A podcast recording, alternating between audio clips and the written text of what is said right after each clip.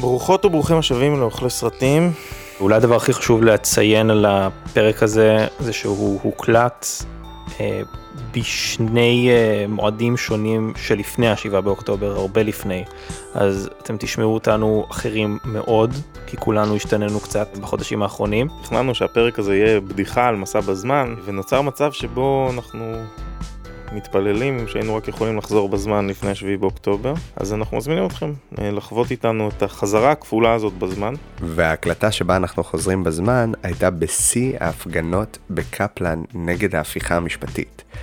אז כל פעם שאנחנו מדברים על ההווה ומה שקורה עכשיו במדינה, מדובר במה שקרה אז. למעט שבוע הבא, בה נקדיש פרק ליהב וינר, הבמאי הבאמת מצוין שנרצח ב-7 באוקטובר. אה, אנחנו נחזור ללוח שידורים יחסית רגיל, בו גם נביא פרקים שהוקלטו לפני 7 באוקטובר, וגם בתקווה בקרוב פרקים חדשים שעדיין יתעסקו בקולנוע, פילוסופיה ומה שביניהם. נגיד גם שפרק המאה, שתוכנן להיות אירוע, מגה אירוע כיפי וכו', יהיה בו אורח מיוחד, אבל הוא לא יהיה החגיגה הגדולה, שאותה נצטרך לחגוג ביחד בהמשך הדרך, כשנרגיש שחגיגות זה משהו שרלוונטי. אנחנו גם חזרנו לעשות אירועים חיים בסינמטק. אה, אפשר לבדוק את זה באינסטגרם ובפייסבוק, עשינו אירוע אחד כבר של מלך האריות, בו כולנו שרנו ובכינו ביחד. ויש לנו מוצר מדף חדש, שנקרא חידוני הקולנוע של אוכלי סרטים בסינמטק תל אביב, אז אם אתם לא יכולות ויכולים לבוא לאירועים החיים שלנו, בכל יום חמישי בשבע בערב אנחנו עולים לחידון בזום. אתם תמיד מוזמנות ומוזמנים, כל הכרטיסים והפרטים נמצאים באתר סינמטק ובסושיאלס שלנו, אבל without any further ado, בואו נתחיל בפרק.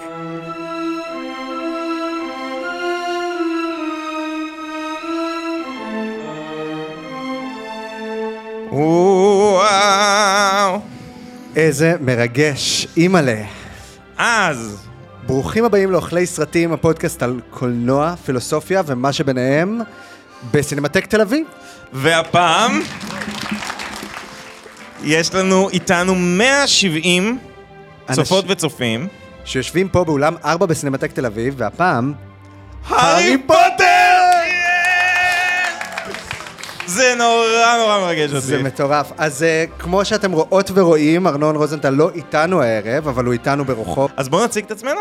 אה, אוקיי, אז uh, אני ניתאי דגן, תסריטאי, במאי ומלפוי לערב, ואיתי באולם... אני ליעד הרמן, יזם, חולה קולנוע, ועל התפר שבין גריפינדור לסלידרין, אבל עמוק בלב, אני גריפינדור. אתה סלידרין. ואנחנו נמשיך עם זה זה עד סוף בדיוק מה הפרק. שסלידרין היה אומר, אתה כן. מבין? נראה לי שאני רייבנקלו, לא? ואנחנו אוכלי. סרטים, האפלפף, האפלפף קלאסי. אה, למי שלא מכיר, כן. או מי שזה פעם ראשונה, אנחנו אוכלי סרטים, הפודקאסט על קולנוע, פילוסופיה ומה שביניהם. אנחנו פודקאסט הבית של סינמטק תל אביב, אנחנו למעלה מ-90 פרקים, ויש שמועה שאנחנו פודקאסט הקולנוע הגדול בישראל. לא יודע כמה זה נכון, אבל אה, בואו נרכב על הגל הזה. אוקיי, אוקיי. ואנחנו אוהבים לדבר על כל דבר שהוא קולנוע, פילוסופיה ו... מה שביניהם. שזה בעצם אומר כל תופעה תרבותית וכל דבר אחר. אבל כרגע, בגלל שהארי פוטר זה קונגלומרט גדול מדי, אז אנחנו לא ננתח את הארי פוטר והאסיר מאזקבאן, אנחנו נדבר באופן טיפה יותר כללי וטיפה יותר גדול על התופעה התרבותית סביבו. רוצה להגיד, פרק רגיל שלנו, אנחנו מגישים מנה אחת ותואמים כל אה, זה, ופה נעשה מעין ארוחת אה, מזטים. כן, ארוחת טעימות. בעצם הגעתם לפרק טאפס של אוכלי. סרטים. זה כל כך הרבה יותר סטייל ממזטים. Difficult, very difficult. Plenty of courage, I see. Not a bad mind either. There's talent, oh yes, and a thirst to prove yourself. But where to put you? Not Slytherin. Not Slytherin. Not Slytherin, eh? Are you sure? You could be great, you know. It's all here in your head. No? Well, if you're sure, better be Gryffindor! אה, אוקיי, אז בעצם, אה, הדבר שנתחיל ממנו, ליעד, אני רוצה שתספר לי, מה זה הארי פוטר בשבילך? אוקיי, אה, הארי פוטר זה הרבה בשבילי, כאילו, בתור נער, בתור ילד, הייתי בדיוק בגיל, הספר הראשון תורגם לעברית שהייתי כזה בן 11, הגיל שבו אתה נשלח להוגוורטס, וליוותה אותי הסדרה בכל ההתבגרות שלי. הייתי חולה על זה, ממש. אה, ההורים שלי, שהם הורים מגזימים במיוחד, עזרו לי לעשות DIY בר מצוות הארי פוטר, שבו חילקנו לכל מי שהגיע מטטים, כובעים ובית, והוא ישב באחד מארבעת השולחנות ענק ו... מטורף. אה, מטורף. והפוסטר של הסרט הראשון היה אצלנו בבית, כאילו מהרגע שהוא יצא, וזה זה היה המון, ואז עברתי איזה פאזה, שממש שנאתי את הארי פוטר, וואלה? כי הייתי נער כזה זב חותם, שאומר, את זה היא גנבה מפה, וזה השפיע עליה כאן, וסתום את הפה אה. ליד בן 17, ואז התאהבתי מחדש, כי אין, יש קסם אמיתי בסדרה הזאת, ויש אה, ערך אמיתי לסדרה הזאת, ולא סתם דור שלם של מילניאלים פחוזים שהגיעו לגיל 30 ולא יודעים מה לעשות עם החיים שלהם, מגדירים את עצמם לפי הבתים, כן? ברור. גריפינדור. אה, סליטה. כנראה, כנראה, נראה לי שאני, טוב, אחיה עם האפלפאף. מהו הארי פוטר בשבילך? דבר ראשון, אימא שלי הייתה מקריאה לי את הספרים לפני. שהייתי קטן, ואז היא הייתה... אימא שלך שיושבת פה, ממש באולם הזה. עכשיו, אז אה, תמחאו מחיאות כפיים לכל אימא שהקריאה הארי פוטר לילדים שלה. אה, אבל הקטע איתנו, שהיא הייתה מתחילה להקריא לאט יותר, ואז הייתי שואל אותה, אמא, את עייפה? והיא כזה, לא, מה פתאום, נרדמת. זה- זה היה עם הספרים. הסרט הראשון בשבילי היה מין הסרט הראשון בחיי שחזרתי לקולנוע עוד פעם ועוד פעם לראות אותו.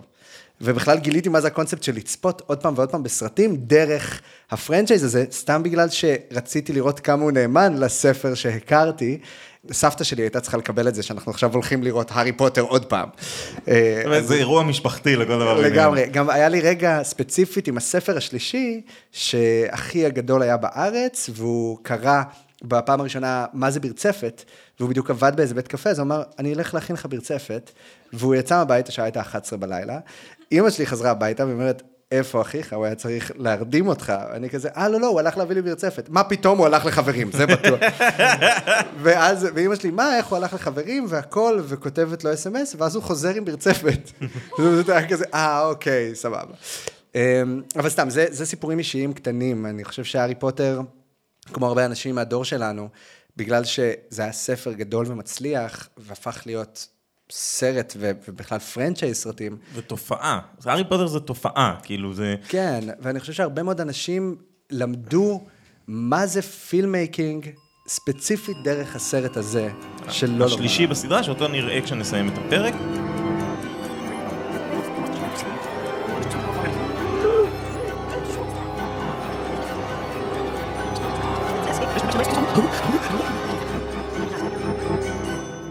אז ברוכים השבים לאוכלי סרטים. אחי, אתה היית שם, אתה יודע. ארנון, מה אתה עושה פה? אני הייתי פה כל הזמן. מה? לא, אני דפנטלי יודע שלא היית פה כל הזמן. אני הייתי, על מה אתה מדבר? מה? אני חושב שהמאזינים שלנו מאוד מבולבלים. חזרתי בזמן כדי להגיב לכל מיני דברים שאמרתם, שלחלקם בלשון המעטה אני לא מסכים. הם באמצע הפרק, אל תפריע להם, תן להם לדבר. כן, ואסור שהם יראו אותנו, כי אז אנחנו נדפק לגמרי כל החיים שלנו. יש קוסמים שעברו דברים איומים אם ראו אותם, אז מה שלא תעשו, שניתאי וליעד לא ישימו לב שאתם כאן. תשמע, ליד של העבר חתיך. אוקיי, ידעתי שזה יבוא. אה, אבל באמת השאלה האמיתית זה למה זה כל כך הצליח.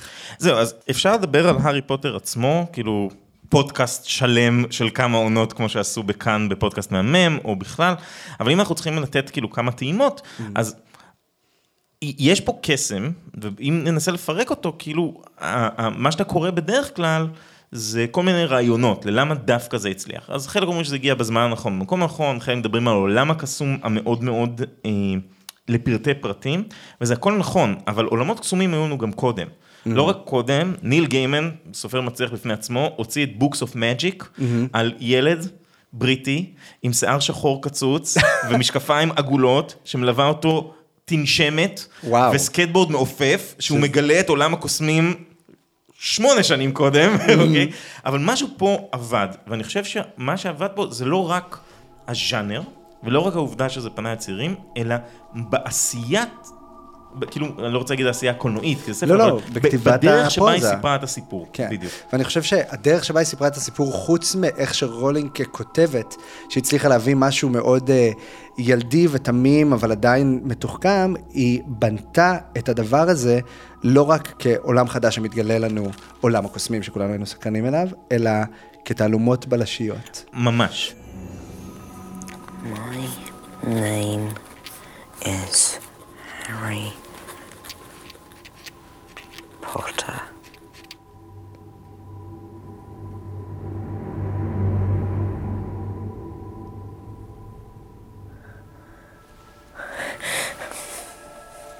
Do you know anything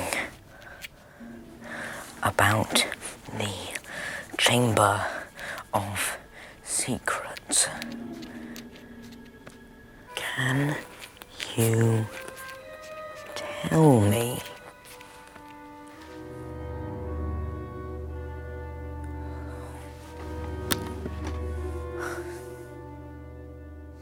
כל ספר עומד כתעלומה בלשית הוגנת. ואני אני אגדיר, היא, היא לעומת נניח אה, שרלוק הולמס, שבו אין לך כקורא יכולת לפתור את זה, בספרים כמו אגתה קריסטי, כל הרמזים פרוסים לפניך. הם בתוך ערימה של, כאילו זה מחט בערימה של שחת שכזה, אבל גם בהארי פוטר יש לנו מבנה כמעט קבוע של ספר בלשים, יש לנו את הגיבורים או את הגיבור, יש לנו משהו שקורה. שאותו צריך לפתור, איזושהי תעלומה. עכשיו, לפעמים התעלומה הזאת היא קסומה או לא, אבל בין אם זה מי גנב את אבן החכמים, מהו או- חדר הסודות, מי הוא, כאילו... מי הוא האסיר מאזקבאן, ולמה הוא רוצה לקחת את הארי, איך הארי... אה, ומי הכניס את השם של הארי לגביע האש. וכן הלאה וכן הלאה. אבל מה שמתוחכם גם בספר הרביעי ספציפית, שהתעלומה הזאת כאילו מתחילה מאוחר בסיפור, אבל כבר בפרק הראשון יש את מי רצח את משפחת רידל. ממש. אתה יודע, ככל שאנחנו נכנסים לעולם, אנחנו, התעלומות נעשות יותר ויותר אה, מורכבות בתוך העולם שאנחנו לומדים להכיר. וג'יי קיי רולינג יודעת לשתול את הרמזים האלה בגישה הספרותית. טרילוני היא דוגמה מצוינת לדמות אחת מתוך כמעט 1,500 דמויות לאורך שבעה סרטים, ובארבע מילים אנחנו יודעים בדיוק מי היא. וג'יי קיי רולינג מצוינת בלהגדיר לנו איזה שהם טייפים של דמויות ולחזור להם שוב ושוב, ואז כשהיא רוצה להסתיר אותם, היא נותנת לנו תיאור אחר, שבו, שהוא תיאור נכון, זאת אומרת שאם נקשיב לפרטים אנחנו נדע לזהות שמי שנתנה את הנבואה נניח זה טרילוני, אבל לא במילים שאנחנו רגילים לחוות אותם. נסיך חצוי אדם, כן. אנחנו כולנו יודעים מי זה, כן? יש לנו. מעולם לא מתואר כשיער שחור שמנוני, אבל הוא, כל שאר התיאורים שלו הם תיאורים אחרים שאנחנו מכירים את הדמות, וחוזר חלילה, וזה נכון גם באירועים, גם ביצורים ו- וכו', וזה חוזר גם בסרטים. בסרטים לפעמים זה קצת פחות עובד, נניח כן. שג'יני נותנת מבט אה, אשם למצלמה. לא, אבל מה שכאילו, בסרטים זה עובד קצת אחרת, כי אנחנו רואים את הדמויות מול העיניים, אז קשה להסתיר את זה. אבל אז יש דרכים חדשות לספר את הסיפור שעדיין יהיה מסקרן. כי אני זוכר שהבנתי שמדובר בתעלומות, גם אם זה לא היה מנטלי, אלא רגשי, בספר השני. כאילו כבר בספר השני, שתלמידים התחילו להתאבן, אמרתי, אוקיי, מי עושה את זה? אז לא ידעתי למסגר את זה במה זה הבסיליסק, או מי זה תום רידל, אבל אמרתי, יש פה משהו שהוא סטייל רצח סדרתי, ואני חייב להבין מי עושה את זה. וגם הסדרה עצמה, כמו סדרות בלשים, בנויה בפרקים שאנחנו מכירים. תמיד יש את הקריסמס, זה הכל תמיד כן. ממוסגר בשנה. תמיד יש לנו את המשחק קווידיץ' הראשון, המשחק קווידיץ' השני וכן הלאה. וזה לדעתי נותן איזשהו ערך להוקנס, חיבור. להתמכרות הזאת שלנו כקוראים ושל קוראים צעירים, שלא רגילים לחוות את זה בגיל כל כך צעיר, כי אתה לא קורא ספרי בלשים בגיל שמונה. אבל אתה כן קורא הארי פוטר, או אתה כן. נחשף להארי פוטר, ואתה מתחיל ל- לחוות מסתורין ספרותי, או הדרך שבה אנחנו כבני תרבות מערבית מספרים סיפור מסתורין, דרך הדבר הזה, וזה מהמם. בתכלס, הדבר שממש חשוב בעיניי בתוך האלמנט המסתורי של זה, זה המקום שרולינג לא רצתה לכתוב ספר ילדים. כאילו, היא כשהיא התחילה לכתוב את הארי פוטר, היא אומרת, היה לי את הרעיון הזה על הילד שנשלח לבית ספר לקוסמים ואני לא יודעת מה לעשות עם הרעיון, אבל אני לא חושבת שזה יהיה מתאים ספציפית לילדים, ולאט לאט שהיא הבינה שהסיפור הזה בתוך הוגוורטס הוא סיפור שמתחיל בגיל 11 ומתגלגל אל תוך גילאי העשרה, היא הבינה שזה יהיה לילדים, וככה הסיפור הבלשים משתלב מאוד מאוד טוב עם הסיפור ולימים הילדים. הסדרת ספרים הבאה שלה זה סדרת ספרי בלשים. לגמרי. ואז השאלה, איך בעצם כל הדבר הזה מעוצב? אבל בגלל שאנחנו פודקאסט על קולנוע, פילוסופיה ומה שביניהם, נצטרך להביא שחקן חיזוק שיספר לנו קצת על העיצוב, סודות העיצוב של הארי פוטר. גבירותיי ורבותיי, טל סולומון, מייסד. הפאבלישר ומייסד של מגזין העיצוב Uncoated. Alright, אז תודה רבה על ההזמנה, אתם באמת פודקאסט מדהים. אז Uncoated הוא מגזין עיצוב ואומנות, שמנסה לטשטש את הגבולות בין התחומים. אה, ואני טל the designer, זה השם שלי בשכונה, מעצב חוויית משתמש, עובד בחברות הייטק. והארי פוטר אה, הציל את חיי באופן אה, חד משמעי.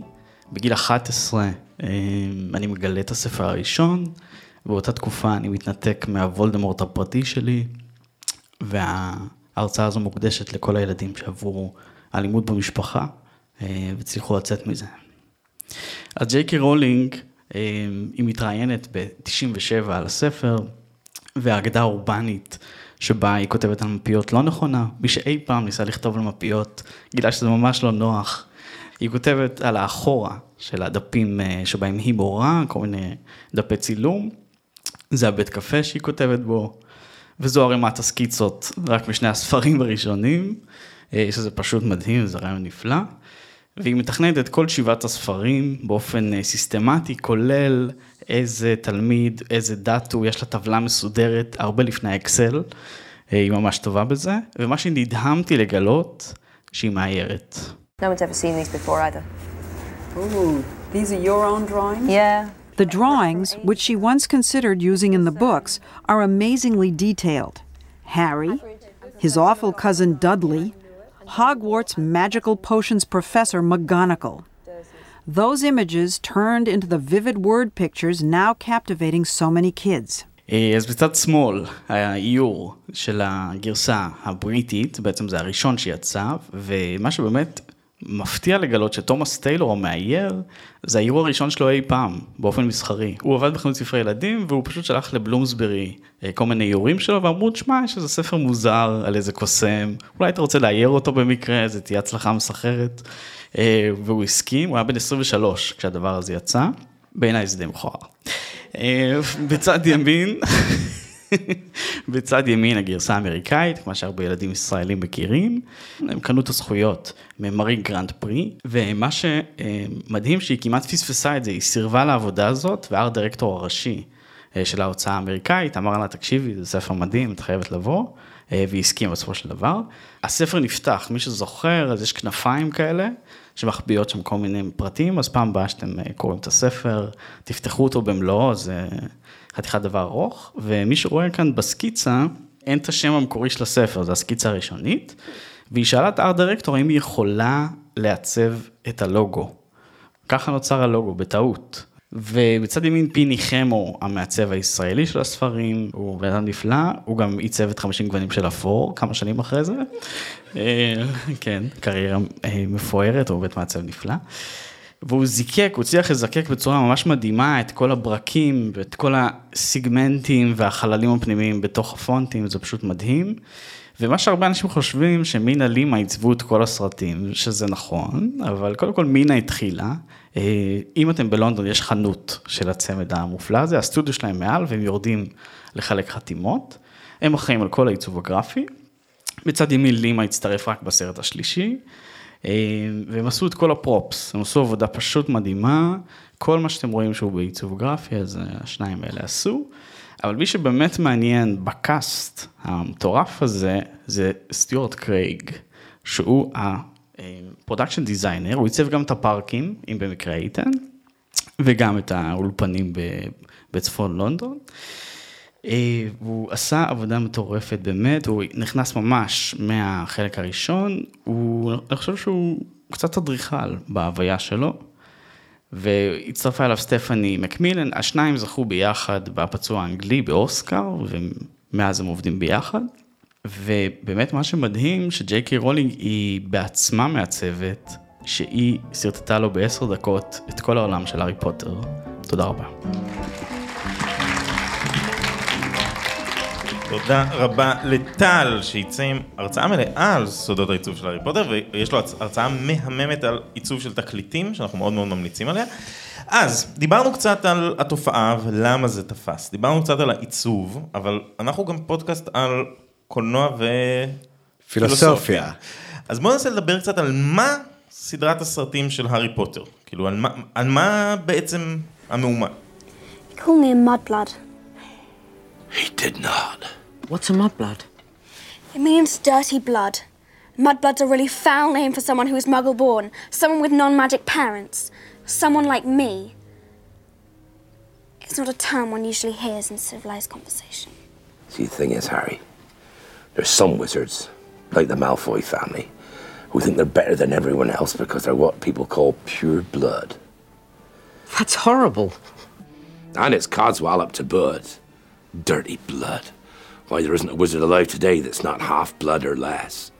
More to the point, they've yet to think of a spell that our Hermione can't do.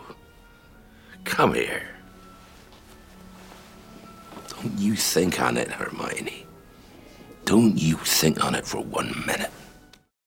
בתכלס, כשאתה קורא את הספרים בפעם הראשונה בתור ילד, אז הדבר, לפחות הדבר המרכזי שאני שמתי לב אליו, זה העניין הזה של הרמיוני היא mud blood. בעצם ההפרדה הזאת בין... בוצדמית. בוצדמית. זה דבר ראשון, יש הפרדה בין קוסמים למוגלגים, ואז בתוך ההפרדה הזאת, יש גם בתוך עולם הקוסמים את העניין של טהורי דם, ואנשים שהדם שלהם הוא מלוכלך בדם מוגלגים. אני חושב שמבחינת פילוסופית, יש פה שני אלמנטים שמעניין לדבר עליהם. הראשון זה באמת על מה הסדרה, והשני זה איזשהו קלאש פילוסופי שהגענו אליו היום. בקצרה, אני חושב שהקריאה המקובלת זה שהארי פוטר היא, היא אומנות, או איך שאני הייתי מכנה אותה, אומנות אנטי פשיסטית. בשתי מובנים. הרעים שלנו הם פשיסטים עם תורת גזע סדורה, שמשתמשים במוסדות החוק, כלומר, משתלטים על משרד הקוסמים ככל שהספרים מתקדמים, בכדי לבסס את, ה, את תורת הגזע הזאת כחוק פר אקסלנס, mm-hmm. ובאלימות למגר או לאכוף את העניין הזה. עכשיו, הגיבורים שלנו, לא רק שהם לא... אה, טהורי דם נטו. בחלקם, הם תמיד לומדים על החשיבות של קבוצות שוליים. זאת אומרת, בין אם זה... אה, אלפי הבית, בין אם זה הגובלינים, סתם הילדים הלא מקובלים על הלונה לובגוד המוזרה מאוד. או רוחות רפאים. או, נכון. וחצאי רוחות רפאים, ניק כמעט בלי ראש. שהוא הוא בהגדרה הילד ענק. הדחוי וחצי ענק וכו', ואנחנו למדים איתם לא רק על החשיבות של הקבוצות המודרות ועל האנושיות שבקבוצות המודרות, אלא גם ג'יי קיי רולינג בוחרת בספרים עצמם לתת להם פרס על ההתנהגות הזאת. זאת אומרת, אם אנחנו בספר השני משחררים לחופשי את דובי, את דובי הוא חוזר בספר השביעי להציל את חיינו מתוך ההתנהגות הזאת, שההתנהגות הזאת היא, היא מורליסטית. זאת אומרת, היא לא נעשית בשביל לקבל פרס, היא נעשית כבחירה מוסרית נכונה. והאלמנט המוסרי השני בספרים, ואני מתנצל שאני רץ על זה מהר, אבל זה החשיבות של החוקים. רולינג מציגה לנו עולם שיש בו אינסוף חוקים, שרובם נועדו להציל את חיינו.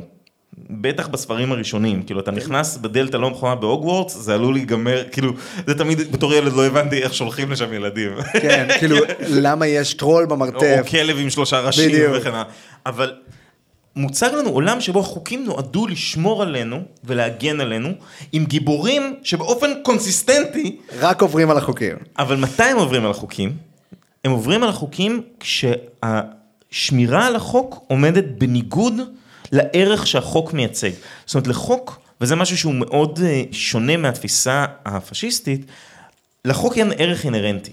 זה לא אז... שחוק הוא חוק וזה טוב, וזה קצת ישראלי גם. כן, אבל, אבל זה דבר ש, שגדל באופן איטי לאורך הספרים. כאילו, בספרים הראשונים הם עוברים על החוק לגמרי, אבל מתוך סקרנות. אבל הם מקבלים על זה אפילו בסוף נקודות, והם מצליחים להציל את הבית ספר שוב ושוב כן, ושוב. ו- אבל הערך של חוק בתוך הדבר הזה הוא ערך שלאט לאט באופן מאוד עדין הולך ונבנה כדבר שצריך לעבור עליו כדי להציל את העולם. כשהחוקים נהיים פשיסטים באמת, בדיוק. כשאנחנו מגיעים למצב שבו יש חוקי גזע או חוקי הדרה פר אקסלנס, אז אנחנו צריכים להקים מיליציה פרטית, צבא דמבלדור, כדי ל- לשמור על העולם החוקתי שבנינו כדי להגן על עולם הקוסמים. אבל כבר כילדים הם לומדים שהערך של החוק חשובה מלשון החוק, ושאם חוק עצמו עומד בניגוד לערך אותו הוא מנסה לייצג, חייבים לעבור עליו.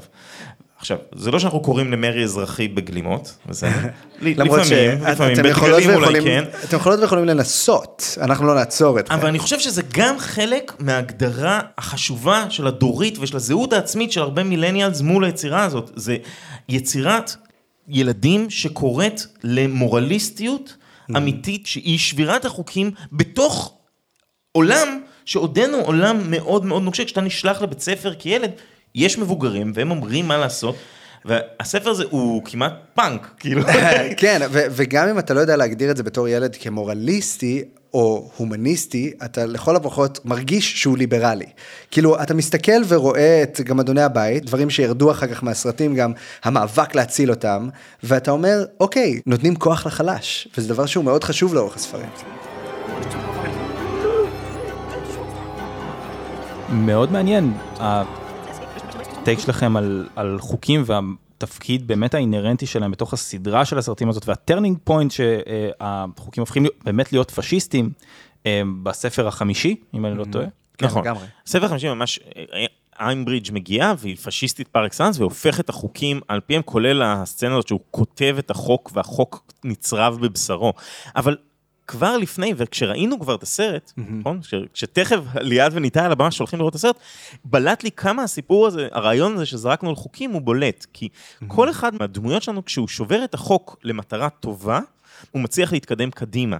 אבל כשמישהו שובר את החוק למטרות אישיות, הוא נענש. כאילו, מאלפוי גם שובר את החוק, אבל הוא לא מוצג לנו ככזה, איזה חמודי אני וזה. הוא שובר את החוק כדי להראות לכולם כמה הארי פוטר הוא חרא וכמה הוא יותר טוב מבקביק. והוא לא מקשיב לחוקים שהגריד מציב, והוא חוטף אותה ביג טיים, כאילו. בעוד שבספר ובסרט השלישי, כל הקונספט של חוק נהפך על פיו. כאילו, אנחנו יודעים שיש רוצח מבוקש שרוצה להרוג את הארי. לכאורה. ואנחנו מבינים שהוא נאסר בלא עוול בכפו. בעצם החוק הלך נגדו כבר אז. שוב, זה חוסר הירידה לשורש העניין. החוק נועד להגן עלינו. אבל החוק נועד להגן עלינו כערך של ההגנה, לא בפני עצמו. בדיוק. כן. ומה ששכחנו להגיד על הבמה זה שדמבלדור הוא הגיבור של לכופף את החוקים כדי. להציל אותך, אבל הוא זה שמציב אותם. זאת אומרת, תפקידו מהיותו headmaster הוא לקבוע את החוקים שיצילו את התלמידים, אבל הוא הראשון שמעודד את הדמויות שלנו לכופף או לא לדעת על חוקים מסוימים כל עוד זה שומר על ערך העליון שזה הגנה לאחר, שמירה על החיים וכן הלאה. בדיוק, ואני חושב שגם אה, גם דמבלדור הוא זה שמבסס את החוקים ועובר עליהם, אבל גם ברגע שדמבלדור כבר נעשה בתפקיד המנטור, והוא לא זה שמציב את החוקים, כבר מהספר הרביעי מגיעה ריטה סקיטר והעניין הזה של הנביא היומי, שיותר מאוחר, בספר החמישי והשישי והשביעי, הנביא היומי יהיה השופר שבעצם מכניס לעלילה את החוקים. החוקים שכיאה לתקשורת בעולם הקוסמים ובעולמנו אנו, הולכים ונעשים אה, קשים יותר ופחות צודקים עם הדמויות שלנו שנאלצות לעבור לחוק כדי להציל את העולם. כן, ו- ודמבלדור רוצה, ש... או הוא זה שעובר על החוקים, כי הוא יודע מה זה חוק, והוא יודע שכמו שליעד אמר, כמו שניתאי אתה אמרת, החוק מגיע כדי להגן עלינו, ואז נשאלת שאלה עמוקה, פילוסופית, שמאוד קשורה למה שקורה לנו היום בישראל, מה קורה, כשה... אני לא אומר שום דבר ישיר כרגע, אבל מה קורה כשהחוק באמת, באמת לא שומר עלינו, הוא באמת בא לרעתנו. Revolutionized the teaching of defense against the dark arts, Dolores Umbridge will, as High Inquisitor, have powers to address the seriously falling standards at Hogwarts School.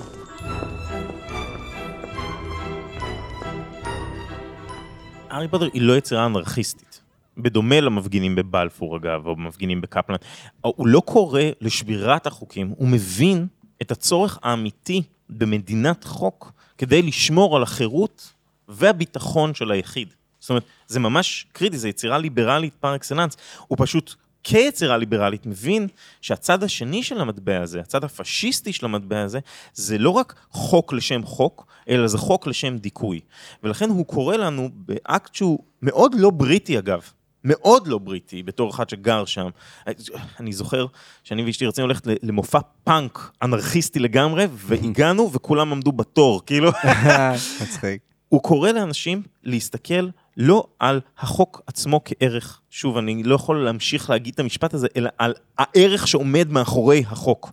וברגע שאתה הופך את המטבע הזה, אתה נותן כלי בידיים של פשיסטים שלא אכפת להם מהערך, ומשתמשים בזה כדי לדכא אותך. ואז נשאלת שאלה פילוסופית, אין לנו המון זמן להיכנס לעומק של הדבר הזה, אבל מה זה בכלל מדינה, ומה הם בכלל חוקים, ושוב, מה קורה ברגע שהחוק, או התוכן של החוק, הוא לא מגיע ל, לדוגמה הגנת או, או רווחתם של, ה, של האזרחים. יש כל מיני טייקים. אה, תומאס הובס אה, נותן אה, סמכות וכוח מוחלטים לשליט, לריבון. בספרו הלוויתן, שמוכר לכל תלמיד פילוסופיה כן. כנראה באשר הוא. כן, ו- ועל אף שיש כל מיני מגבלות מסוימות, בסופו של דבר הכוח הוא כמעט לחלוטין מוחלט, והמנהיג הזה, הריבון הזה, יכול לחוקק כל חוק ועל האזרחים לציית. אה, דוגמה כמעט הפוכה, אה, זה ברוך ספינוזה כמובן. אה, איך חשבתי לרגע שנגיע לשפינוזה, לא. הקוסם המקורי. מה שמדהים אצל ספינוזה, בין היתר, יש הרבה דברים, זה שכמו הובס הוא דיבר על מצב הטבע, דיברנו על זה כבר בפודקאסט, המצב ה...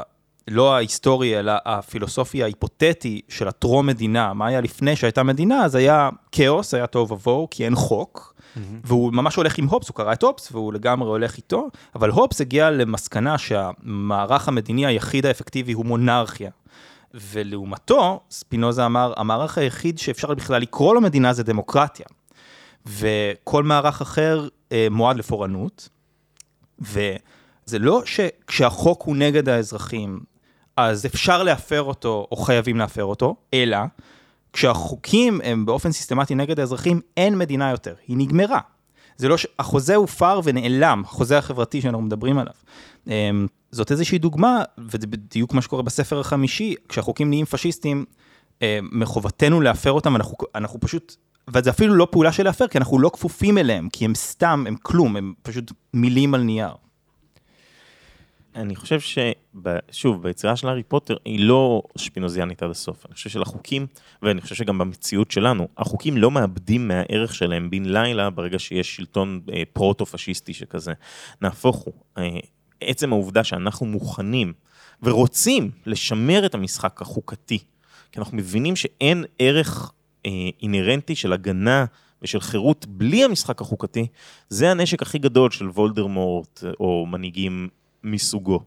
אה, של לקחת את המשחק החוקתי שאנחנו מבינים בצורך שלו, בהיגיון הפנימי שלו וברצון שלו, ולהפוך אותו על פיו כלפינו. זהו, אני כן רק אגן לספינוזה, כי אני חייב, אה, מה שאמרתי הוא דוגמת קיצון רדיקלית לחלוטין. Mm-hmm. הוא כן אומר כמעט בכל הזדמנות, מדינה גרועה עדיפה על מצב הטבע, תמיד. Mm-hmm. עדיף לכם להישאר במערך מדיני לא טוב אה, מאשר לצאת מזה. שישה מיליון יהודים אולי יחשבו אחרת, אבל... אה, כן, אפשר להתווכח אם זה בכלל איזה מארג מדיני או מה זה בכלל, לא התייחסו אליהם. גם כמה בוצדמים נראה לי, לא היו מסכימים לזה. אבל אני שומע קולות מהבמה, ולדעתי הם עוברים לה כבר ל section הבא. מעניין, על מה הם מדברים?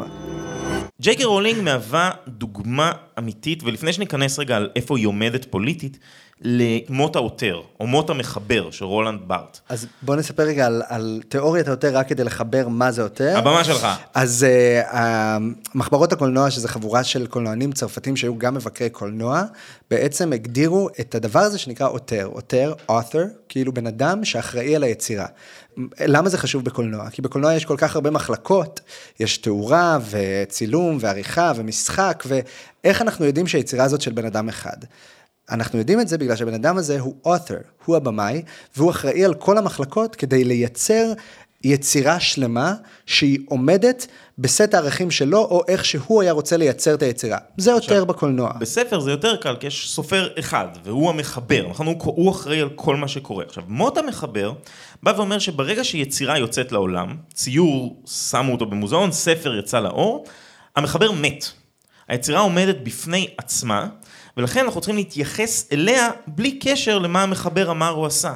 זאת אומרת, אם יש לי ספר שאני מאוד מאוד אוהב, ושנתיים אחר כך, או שנתיים קודם לכן, הסופר שדד בנק, אוקיי? אני לא צריך לפסול את הספר על בסיס הסופר. התיאוריה הזאת היא, היא תיאוריה ספרותית חשובה משנות ה-50 והלאה. הבעיה שג'יי קיי רולינג יצרה לנו זה שהיא סירבה למות כמחברת. מה שג'יי קיי רולינג עשתה, היא יצרה אתר בשם פוטר מור, ובתוכו קהילה של מעריצי הארי פוטר, והמשיכה להזין את העולם של הארי פוטר בעוד ועוד עובדות שהן אמיתות. זו האמת המוחלטת בעולמות הארי פוטר, כי היא המחברת אומרת את זה. והיא המשיכה לעשות את זה למעשה עד היום. למעלה מעשור וחצי אחרי שהספר האחרון יצא. מדברים כמו מרלין היה סלידרין, עד ל... אה, לפני שהמציאו את הצנרת, היה קסם שמנקה את הצואה של הקוסמים מהגלימות, אבל לומדים אותו רק בשנה רביעית. או אם... אם נפשט, ארבע שנים, חרבנו במכנסיים. אוקיי, הייתי היית צריך להגיד את זה. צריך להגיד את זה במיקרופון, תודה רבה. An online reading experience unlike any other. It's called Pottermore. It's the same story with a few crucial additions. The most important one is you. I'll be joining in too, because I will be sharing additional information I've been hoarding for years about the world of Harry Potter. הנקודה היא שהעולם ממשיך להיווצר עם עותרת אחת שאומרת מה נכון ולא נכון. וזה מגביל אותנו כצרכני היצירה וכמבקרי היצירה בלתת פרשנויות ליצירה עצמה. כי אני יכול עכשיו לבוא ולפרש את הארי פוטר כיצירה ליברלית כמה שאני רוצה, או את אה, האגריד כמטאפורה לשחקני כדורסל, ואז תבוא ג'יי קיי רולינג ואומרת לי, לא, לא, ולא רק לא, לא רק שאני כתבתי את זה, אני עוד כותבת את זה, אני עושה פה חוקה בהמשכים. כן, ועכשיו מה שמוזר שבתוך כל הדבר הזה הקונגלומרט הולך וגדל. פתאום יש מחזות, מחזות מלהקים הרמיוני שחורה, אז היא אומרת מי אמר שלא, זה גם אופציה אפילו שברור פתאום יש שלא. סרטים חדשים, ובסרטים החדשים הרעים רצו לעצור את הנאצים?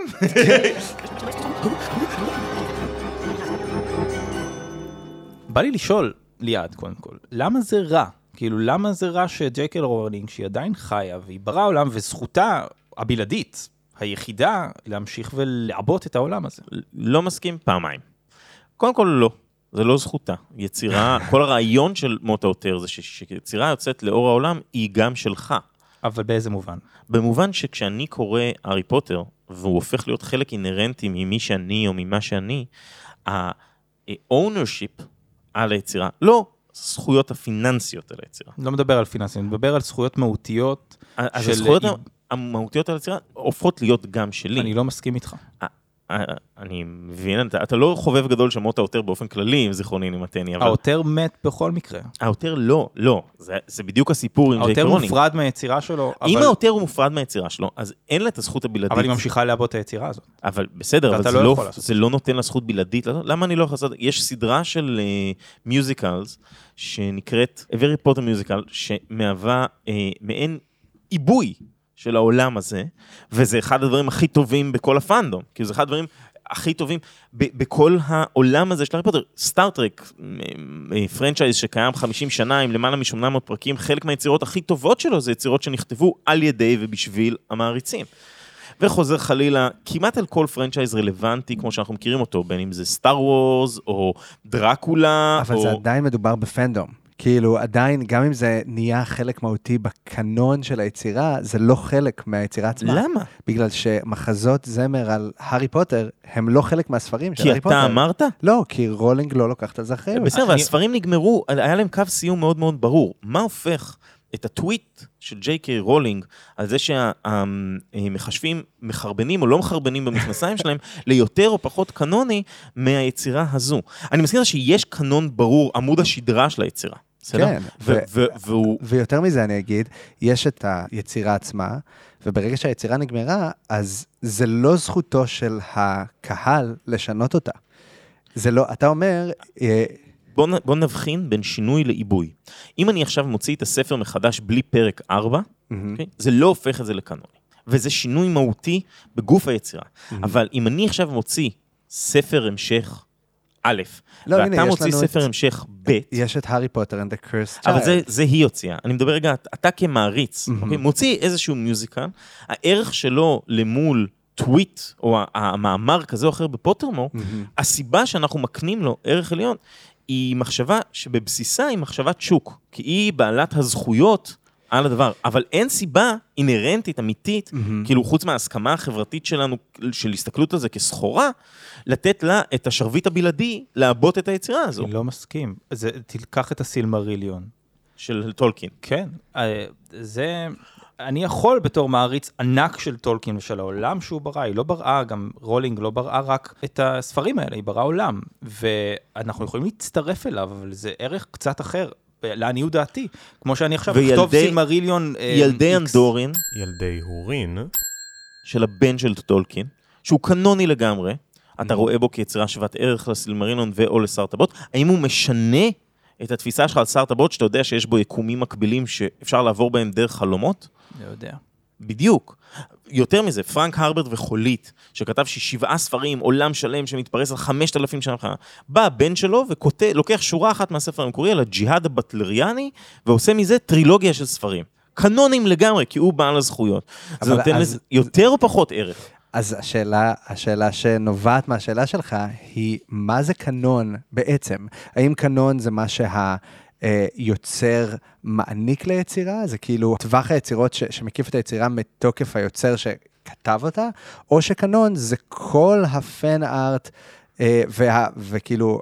תקרא לזה פן ארט גבוה נגיד, שהילדים של היוצר החליטו ליצור אחריו. אז לדעתי לא, ומוטה עותר מקנה לנו יכולת לתחום את היצירה עצמה.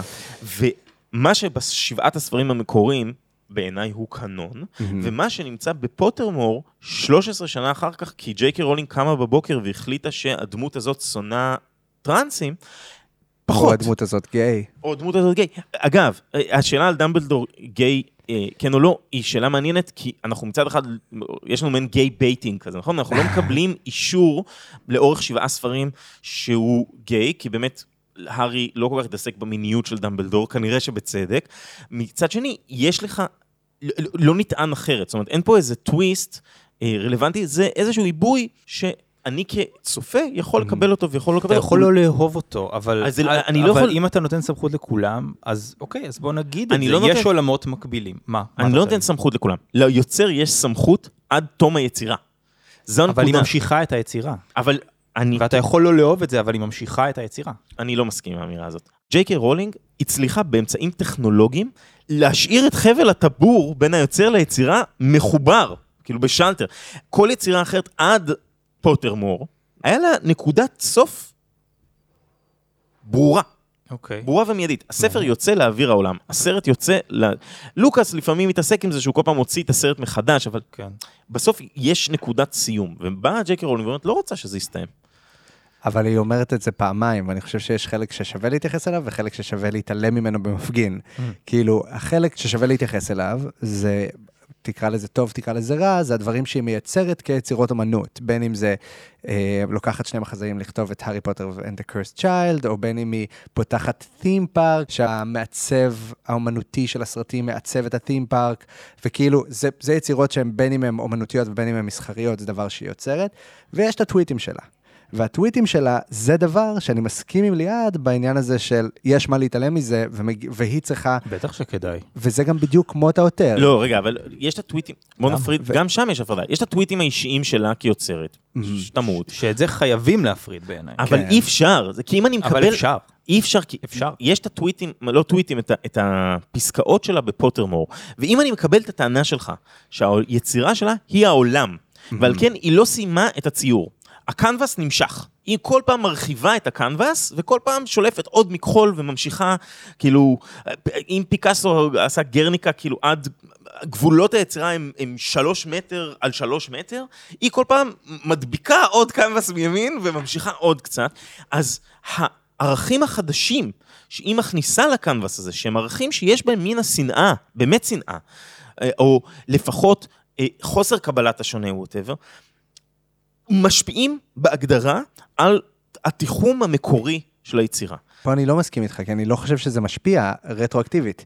גם אם היא תגיד את זה, שזה משפיע לדעתה ועניינים, זה בדיוק העניין של מות העותר, ומה אתה מחשיב כאומנות ומה אתה מחשיב כתוכן. זהו, השאלה היא גם איפה היא מנסה לשנות. יהלי המפיקה המהממת שלנו, שגם נתנה פינה על הבמה, חזרת איתנו בזמן. חזרתי איתכם בזמן, תפסתי טרמפ על הגב של ארנון, היא הולכת אחורה והיא אומרת דברים כמו, כן, אני כתבתי את, ה, את אה, אוכלי המוות, הם בעצם כמו אה, האנשים הטרנסים שעכשיו אומרים, אה, אה, כל השנים האלה השתיקו אותנו ועכשיו אנחנו rising up.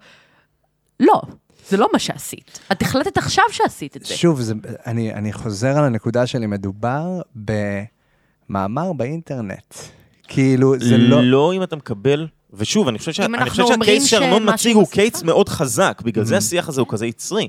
אבל לא אם אתה מקבל את מה שארנון אומר. אם היצירה היא איננה הספר או הסיפור של הארי, אלא עולם שלם על הסילמריליון של אה, טולקין, וחוקי העולם הזה, וההתנהגות בעולם הזה, והערכים של העולם הזה, היא יצירתה של ג'יי קיי רולינג, באמת. והיא, באמצעים טכנולוגיים, מרחיבה את הקנבס, לא מתנתקת ממנו, אז נגזר עליך, גם אם אתה לא אוהב את מה שיש לה להגיד, ונשמע שאתה לא אוהב את מה שיש לה להגיד, ובצדק, לקבל אותו.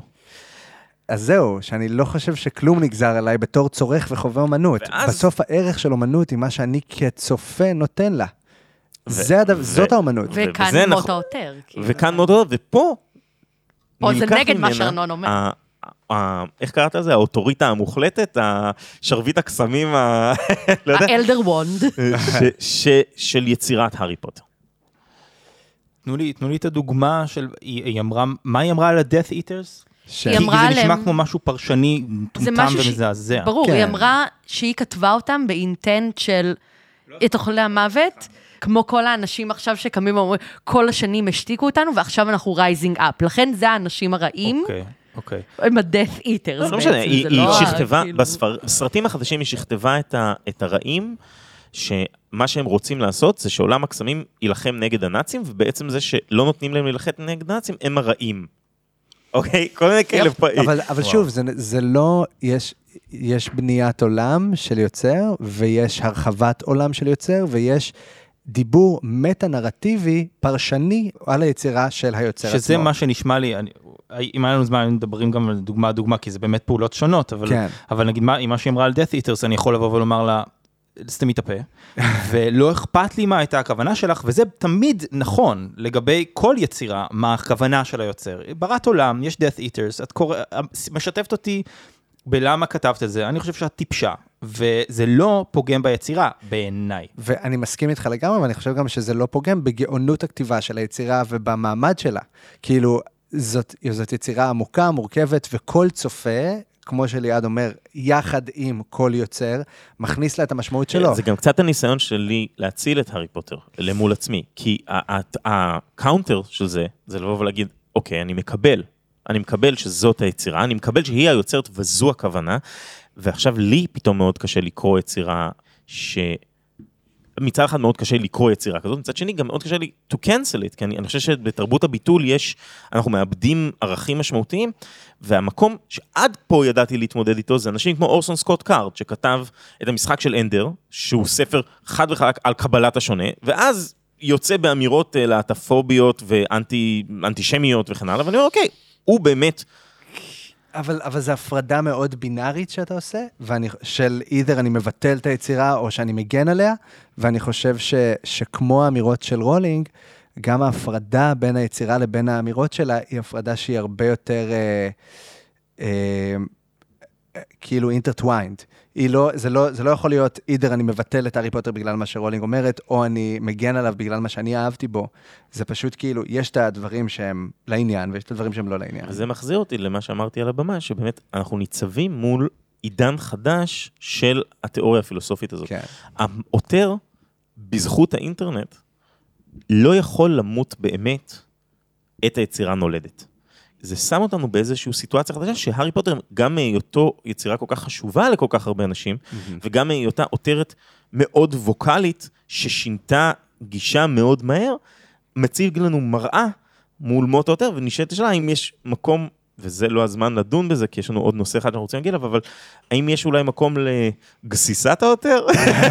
אני יודע, זחילתו הבלתי נגמרת אל האינסוף. אני... אני חושב, אני חושב ש...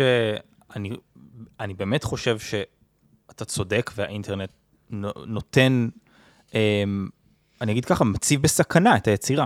אה, בגלל שאנחנו, העותר הוא בסוף בן אדם או בת אדם במקרה הזה. והיא, אנחנו יכולים להגיד מהפרספקטיבה הליברלית שלנו, ירדה מהפסים, ו, וקצת הורסת את היצירה שלה, אני אומר מאוד קצת, ואולי בכלל לא, אם אנחנו הולכים לפרספקטיבות אחרות. לדוגמה, עמנואל קאנט, שהוא פילוסוף ענק לכל הדעות, היה חתיכת גזען, ואמר דברים איומים על uh, כל בן אדם שהוא לא גבר לבן אירופאי. והוא אמר, הספר שאני כותב על תבונתו של האדם, אני מדבר על הגבר הלבן האירופאי. ואנחנו, ואנחנו אולי, לדעתי, מחובתנו לבוא ולומר כאן, תקשיב, את, זה לא נכון. Uh, הספר שכתבת הוא על כל בני האדם, גם על נשים וגם על אנשים שחורים ועל כולם. אה, וזהו, וזה לא הורס את היצירה הפילוסופית שלו. ג'יי קי רולינג אה, הצליחה ממש אה, כמעט לריב עם קהל המעריצים שלה, בעיקר בנושא של אנשים טרנסים. עכשיו, קטונו, כשני גברים גברים מטרוסקסואלים לבנים, לדבר על זה, אז אנחנו נשמח להזמין לפינה נוספת את יהלי, המפיקה של הפודקאסט, לתת לנו כמה דקות בנושא. היי לכולם, אני יהלי אנג'ל, מקום שני בהנהלת קהילת מופע קולנוע של רוקי, חצי מצמד ההפקה המהמם של אוכלי סרטים, ובמקרה גם בן אדם מאוד קוויר, לא יודעת אם הצלחתם לשים לב. אה, אז בתור בן אדם באמת שהוא מאוד מאוד קוויר, מאוד חסר מגדר, ביקשתי מהאוכלים לקחת פינה רגע לדבר על נושא חשוב, ג'יי קיי רולינג ו TERFism. אז מה זה TERF? T-E-R-F, Trans Exclusionary Radical Feminist, או בעברית, פמיניסטית רדיקלית מדירת טרנסים. טרנסים זה קיצור טרנסג'נדרים כמובן, הם אנשים שהמין שנולדו אליו אינו תואם את המגדר שאיתו הם מזדהים. בנים שנולדו כנקבות, בנות שנולדו זכרים, אנשים א-בינאריים כמוני, שלא מרגישים משויכים בהכרח להיות או גבר או אישה, אלא גם וגם משהו ביניהם, לא ולא, אה, בלי קשר למין אליו שויכו בלידתם, ועוד. אה, אז העולם שלנו הגיע למקום שהוא קצת יותר מתקדם ומוכן מדי פעם אולי לקבל את הקונספט של לסביות והומואים, ופעם בירח כחול גם ביסקסואלים זה בסדר. אה, ועכשיו עיקר המתקפה הולכת כלפי דה-לגיטימציה של אנשים טרנסים, אפילו מתוך הלהבה הפמיניסטי והלהט"בי בעצמו. אז למה זה קורה ולמה זה טרנספובי? ככה. ההנחה הראשונית של טרפיות בכללי ושל טרנספובים היא בהכרח שמין שווה מגדר. וכבר בהנחת היסוד הזאת אנחנו שוללים את כל הזהות הטרנסית, שמפרידה בעצם בין מין ביולוגי ומגדר. ההנחה הבאה מכאן היא שנשים טרנסיות אינן נשים אלא גברים, ולכן ההימצאות שלהם במרחבים נשיים היא כמו חדירה לפרטיות. זה בעצם גברים שנמצאים לנו במרחב האישי שלנו וזה לא מתאים לנו. אז מבחינת האנשים האלה, המאבק הפמיניסטי פועל על בסיס מין ביולוגי ולא על בסיס זהות, שזו פשוט הנחה שהיא שגויה. המאבק הפמיניסטי פועל להעצמה של אוכלוסייה שמופלית בגלל המין ו/או המגדר שלהם. אה, מה ששולט בעולם שלנו ומולו אנחנו נלחמות בעצם, הוא תפיסה כללית, קצת מוסווית, שכל מה שלא גברי הוא רע. זה כולל גם נשים שנולדו כנקבות, גם נשים טרנסיות שתופסים אותם כגברים נשיים כביכול, אה, גברים טרנסים שנתפסים כלא גברים מספיק, כי אין להם איבר מין זכרי, אז הם חלשים נורא. אה, אנשים הבינאריים על כל גוונינו וצורותינו, שחורגים מהנורמה המגדרית, וגם בעצם להב של הלהט"ב, גם אם המגדר שלהם תואם למין שבו הם נולדו. למה? כי הפטריארכיה שולטת, וכל מה שחורג במודל הגבריות הקלאסי מוחלש על ידיה. איפה זה פוגש אותנו? ג'יי קיי רולינג עד לאחרונה נתפסה כאדם נורא נורא ליברלי, מאוד נחמד, מאוד תומך, מאוד מגניב, ובשנים האחרונות התחילה לבטא בקולות חזקים ורבים את הדעות האלה, שדיברתי עליהם עד עכשיו. אז כשאדם כל כך מוערץ ובעל כוח, מפיץ טענות כל כך נוראיות עם טיעונים שנשמעים די הגיוניים לכל מי שלא מתעמק בהם, הקול שלהם גדל והקול שלנו קטן. היא מפיצה שנאה פוגענית. בזמן הקורונה היא עשתה מחאות נגד ארגון הבריאות הבריטי, ה-NHS, כדי שיפסיקו להרשות טיפולי התאמה מגדרית לאנשים טרנסים, כלומר לתת להם טיפולים הורמונליים שהם זקוקים להם. היא מפיצה שנאה דרך הספרים החדשים שלה, אה, שבהם הדמות של הרוצח זה גבר שמתחפש בבגדי נשים כדי להיכנס למועדונים של נשים ולרצוח את כולן. שזה מקסים, זה נורא חמוד. מעבר לזה, היא מתארת שוב ושוב נשים טרנסיות כעברייניות מין, ומשווה אותם לאוכלי המוות. כמובן, אז הגרסה שלכם לא נכונה בכלל, מסתבר. הנזק הוא ממשי, אוקיי? כבר בארצות הברית עכשיו יש חוקים במדינת הנשיא שאוסרים על פרפורמנס מגדרי של דרג או טרנסי. אה, יוצאים ספרים כמו נזק בלתי הפיך, שפשוט מפיצים דיסאינפורמציה טרנספובית מחרידה. כדור השלג שהשנאה הולך וגדל. אנחנו מסורבים מטיפול רפואי, הכרה בזהות שלנו והאלימות נגדנו ברחובות, בבתים ומהממסד גוברת. ברמה האישית כל כך הרבה קווירים כמוני גם גדלו על הארי פוטר ואהבו את זה מגיל אפס. ובעצם עכשיו אנחנו חוטפים כאפה מזעזעת לפנים. מעבר לרמה הגדולה, זה פוגע אישית. המאבק הטרנסי, המאבק של ההומואים, הלסביות, הביסקסואלים והמאבק הפמיניסטי הלכו יד ביד מאז ומתמיד. אנחנו אחים ואחיות ואחים סלש אחיות, כולנו, ורק ככה ננצח את השנאה. אנחנו לא מנסים לפגוע באף אחד. אנחנו רק רוצים לחיות את חיינו בשקט כשווים בין שווים. למה הזהות שלנו צריכה להיות עמדה פוליטית? כדי להנגיש לכם טיפ-טיפה את החוויה הטרנסית לעת סיום, אני אנסה להקביל אותה לעולם הפוטרי. אתם מכירים את זה? ליד. כשאתם משוכנעים שאתם גריפינדור, ואז אתם עושים מבחן באינטרנט, או בפוטרמור, ואז זה אומר לכם שאתם סליטרין, ואתם כזה, אין מצב שאני סליטרין. אבל האוטוריטה, הפוטרמור, הוא אומר לכם, אתם סליטרין. ואתם אומרים, אבל בלב שלי אני גריפינדור. אז אני גריפינדור! משהו כזה.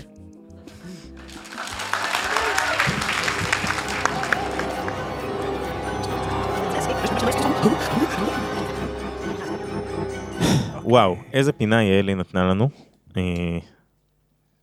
אני רוצה להגיד לך, ליעלי מהעתיד, אחד כל הכבוד, וזה היה נורא מרגש להיות באולם, וזה נורא מרגש גם להיות פה עכשיו, אבל מה שלא הספיק הזמן באולם לדבר עליו, למעשה הסיבה שארנון החזיר אותנו בזמן, זה כי אנחנו רוצים גם לדבר על הסרט. Sirius Black has escaped from Azkaban prison. Sirius Black is the reason the Potters are dead. And now he wants to finish what he started. I want you to swear to me you won't go looking for Black. Why would I go looking for someone who wants to kill me? Harry Potter. There's something moving out there. It was a Dementor, one of the guards of Azkaban, searching the train for Sirius Black.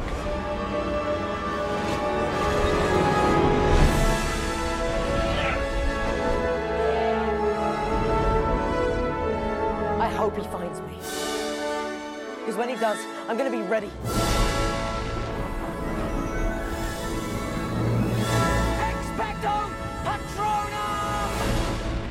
אז מי ביים את האסיר מאזקבאן איתי? אלפונזו קוארון. וואו.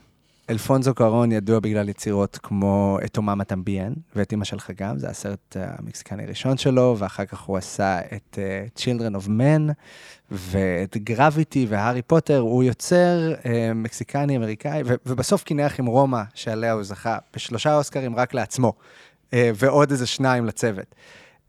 ובעצם uh, אלפונזו קוארון לא סתם זכה בכל הפרסים האלה, הוא במאי מדהים, והוא היוצר הראשון שלוקח את הארי פוטר שלב אחד קדימה, גם ברמה התמטית של ההתבגרות, וגם ברמה הקולנועית הטכנית של איך שהוא עשה את הסרט. טכנית, הוא, אם הייתי צריך להגדיר אותו למדיום אודיאלי, למרות שהוא אחד הבימאים הכי ויזואליים שאני מכיר, הוא כאילו כן. מצייר בתנועה. לגמרי. נכון? הוא, אין רגע שמשהו לא נע על גבי המסך לכיוון מסוים, ואנחנו עם המצלמה ועם המוזיקה, ועם, אי אפשר לראות אותי. ליד רוקט להקה. את האוויר. כן. אבל האיש אה, מצייר בתנועה, אין... לגמרי. עכשיו, הוא עושה את זה בגלל אה, דבר מאוד ספציפי שהוא בחר לעשות בסרט הזה, ובאמת אה, לתת תחושה, כמו בהרבה סרטים שלו, של מצלמה מרחפת, מצלמה נעה. בסרטים כמו Children of Men הוא לוקח את זה יותר למקום גרפי של מצלמת כתף אלימה, כי זה סרט מאוד מיליטריסטי, אבל פה הוא לוקח את זה למקום מאוד מאוד אה, מרחף וחולמני. אבל שנייה לפני שנדבר עליו, בואו נדבר על איך כל במאי לקח לעצמו את הזכות לאבד את היצירה, ואז נבין למה אלפונסו קוארון כל כך טוב. אני חושב שאני יכול לעשות את זה בדקה, אבל... יש רק דרך אחת לגלות. וגם אין לך ברירה כי אני הולך. אוקיי. גו. אז התחלנו משני סרטים ראשונים של קריס קולומבוס. קריס החמוד הזה ישב וקרא את העיבוד. לפני שבכלל הוא בא לפגישה עם וורנר ברודרס, הוא כתב תסריט משל עצמו, ואז פגש אותם. הבמאי של שכחו אותי בבית. זה סרטים שילדים קטנים יכולים אה, לשחק וליהנות מהם. אחר כך אה, יש לנו את אלפונסו קוארון שנדבר עליו ונרחיב עליו, ואז מגיע מייק ניואל, שעיבד רק את הספר הרביעי.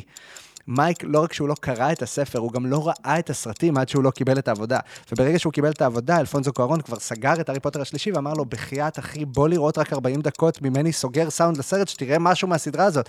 הוא ראה את העיבוד של קוארון שהיה אפל וגרפי ואמר, shit, אני לא יכול לעשות את זה ככה. הוא היה כל כך תחרותי לבמאים האחרים, שהוא פשוט החליט שמאותו רגע, שהוא לא יכול לעשות את זה גרפי ושחור, הוא ינצח אותם על ידי השחקנים הגדולים שהוא מביא. איזה douche. אחריו הגיע דיוויד יייטס, במאי להשכרה, שביים את כל ארבעת הסרטים האחרונים, אה, ויחד עם המעבר שקוארון עשה אל תוך התנועה של הקוסמים בעיר, ואוטובוס הלילה וכל זה, הוא לקח ועשה את זה בסרט החמישי, ומאז רולינג הרגישה את היכולת עם הסרטים הבאים לתת לו את שרביט הבימוי ולעשות עולם שהוא הרבה יותר intertwined עם עולם המוגלגים, וקורה חציו אם לא כולו בתוכו. כן נגיד שהוא במאי גם הרבה יותר משעמם, ועל אף שהסרטים האלה באמת טובים, משהו מהקסם נאבד. תודה רבה ניתאי, תודה ליד על ההערה. אני יכול להיות וידוי. כן. ודאי. אני יודע, לדעתי הסרט הכי טוב הוא השלישי, אבל הסרט האהוב עליי הוא הרביעי, אני מודה, אני גדלתי עליו, ראיתי אותו כל ערב בתור ילד. הוא סרט מצוין. ופשוט התאהבתי בו, אני יודע שהוא לא הכי טוב. זה הדיסק הצרוב הראשון שקניתי בשוק. בדיוק. בכרמל? בכרמל, לגמרי. קנית גם מכנסי שוק? אה, לא, כי כבר ראיתי הארי פוטר. התכנסנו לדבר על הסרט השלישי, אני באמת חושב שזה הסרט שבו הסדרה התחילה לקרות. כאילו, לצערי זה ה peak. זה ה peak כן. הקולנועי בוודאי, אני חושב שגם הספר השלישי הוא הכי טוב בעיניי גם אני לפחות, חושב. אבל משהו באלפונסו קוארון, הוא יורד לכל פרט בסרט ומבין קודם כל את עולם הקוסמים, והדבר העיקרי זה שהוא צריך לגרום לנו להתרגש מקסם. לגמרי, ואיך הוא עושה את זה? הוא מתרגש בעצמו. כי כמו שארנון אמר קודם, כשהוא חזר בזמן לתקן אותנו על רולינג, היא בראה עולם. ואלפונסו קוארון, כבמאי, מה שהוא עושה, בעיקר ב Children of Men, אבל גם בהארי פוטר, יש לנו את העלילה שמתרחשת לאנשים שלנו בעולם שאנחנו רואים, אבל כל הזמן המצלמה זזה הצידה כדי לראות עוד חתיכות מהעולם. ובהארי פוטר הוא עושה את זה מדהים, וברגע שיודעים את זה, לפני שמתחילים לראות את הסרט, גם רואים את זה בכל רגע. בין אם הוא יצר את הראש המדבר באוטובוס לילה, שזה אחר כך עולם שאנחנו מגלים גם בהוגזמית שקיים, עוד הראשים המדברים האלה, בין אם זה הצפרדעים ששרות יחד עם התלמידים. וואי, מהמם. כן, מרגישים דברים- שם ני- הניואנסים האלה שהופכים את, ה, את העולם הזה לחי כל כך וכל כך ויביד. והוא גם נותן לעולם לדבר חזרה אליו. הוא ביקש מהשחקנים של הארי, רון והרמיוני, אה, לכתוב חיבור, כל אחד על איך שהוא מכיר את הדמות. עכשיו, רופרט גרין, רון, לא הסכים לכתוב. זה- זה הכי רון בעולם. כן, הוא כן. אמר, אני לא כותב. אבל הארי והרמיוני, אה, אמה ווטסון ודניאל רדקליף, אה, כתבו את החיבור הזה, ומהקריאה של איך שהם ראו את הדמויות של עצמם בסרט, בעבודה על הסרט הראשון והשני, הוא יכל לבנות את איך שהם עכשיו, ולדעת איך להתחיל לדבר אליהם כאנשים מבוגרים. תשמע, הוא visual storyteller ברמה הכי גבוהה, וזה בא לידי ביטוי בשלוש תמות. כן. אחד, שקצת דיברתי עליה קודם, שזה התנועתיות. הוא משתמש בתנועה כדי להעביר אותך חוויה. בין אם זה השוט המהמם הזה שלופין אומר לו, בוא ניפגש אחרי החגים, והדוויג פורסת כנפיים, מתחילה לעוף לתוך שלג. במקום שהשלג יגיע אליה, היא יחד איתך עוברת ל Christmas. שתיים, זה הסיפור של הזמנים. בגלל החשיבות של החזרה בזמן בסוף הסרט, אה, ואולי, אני לא יודע אם נספיק לדבר על, על פרדוקסים של חזרה בזמן, גם עשינו את הפרק על זה בחזרה לעתיד, אבל הוא מכניס אלמנטים של זמן לאורך כל הסרט. כל הזמן אנחנו עוברים דרך מטוטלת, דרך השעון הגדול, דרך, אה, יש מש... ב- מאחורה בקיר מחולל זמן ענק שאתה שם לב אליו רק כשאתה צופה כן, בסרט שוב. בחדר של לופין, זה, אם לא הייתם בהקרנה ואתם רואים את הסרט הזה בטלוויזיה, אז תדעו שכשהארי עובד על הפטרונוס ועל להתמודד עם הסוהרסן, יש שם את הדבר הזה. אבל באמת השעון, בעצם הוא מכיל בתוכו שני מוטיבים שאלפונסו קוארון בונה בסרט. כאילו, יש גם את מוטיב שקצת דיברנו עליו, אני רואה שאנחנו מדברים עליו אה, על הבמה כרגע, אה, המוטיב של ה monomyth. אנחנו מדברים על זה הרבה בפרקים, מסע הגיבור, גיבור בעל 12 פרצופים. אה, ספר של ג'וזף קמבל, שהוא אנתרופולוג וחוקר מיתוסים. זה סיפור שאנחנו מכירים, הוא, ראינו אותו במטריקס, בסטאר וורס, בהארי פוטר, בשר הטבעות, תמיד הגיבור שעובר את משה השינוי. רבנו. כן, תמיד הגיבור הבודד. ואנחנו רואים את זה ויזואלית אצל אלפונזו, והוא משתמש בשעון הגדול בהוגוורטס כדי להראות את זה.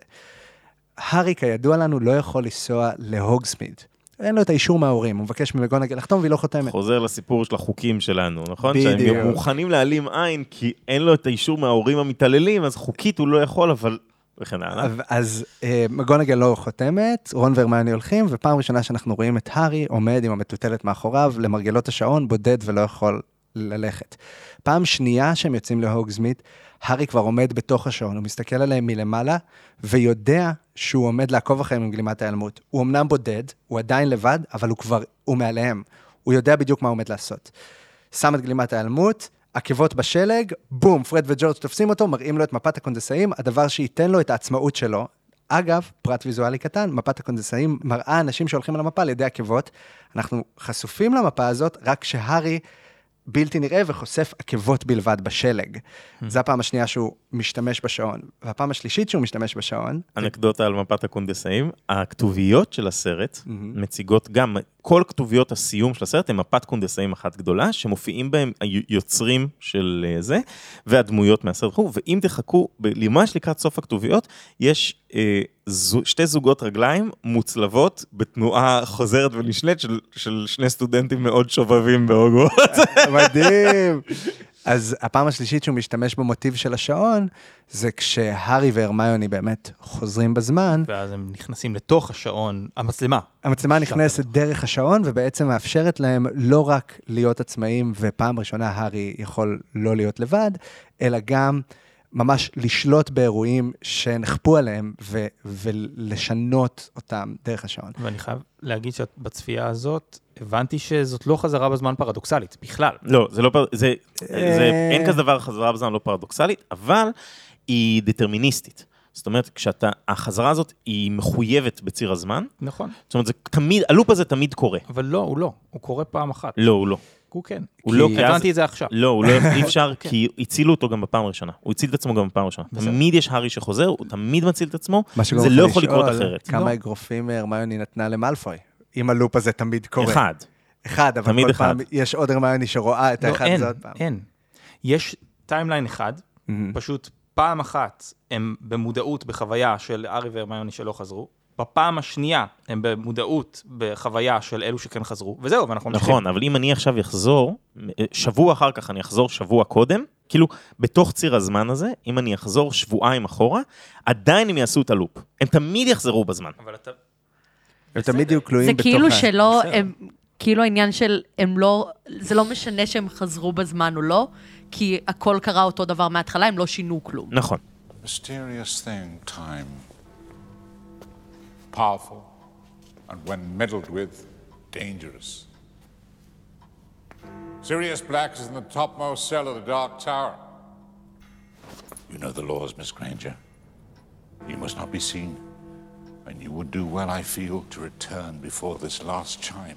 If not, the consequences are too ghastly to discuss.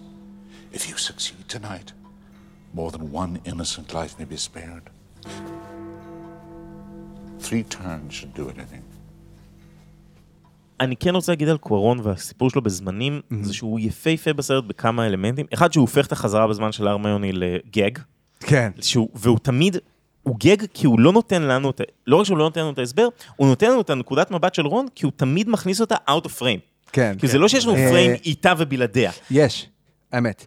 אצל טרלוני, אנחנו רואים את הארי ורון בלי... אבל זה זווית אחרת. לא, לא, זו אותה זווית, קאט. לטרלוני, קאט חזרה, ו- אבל...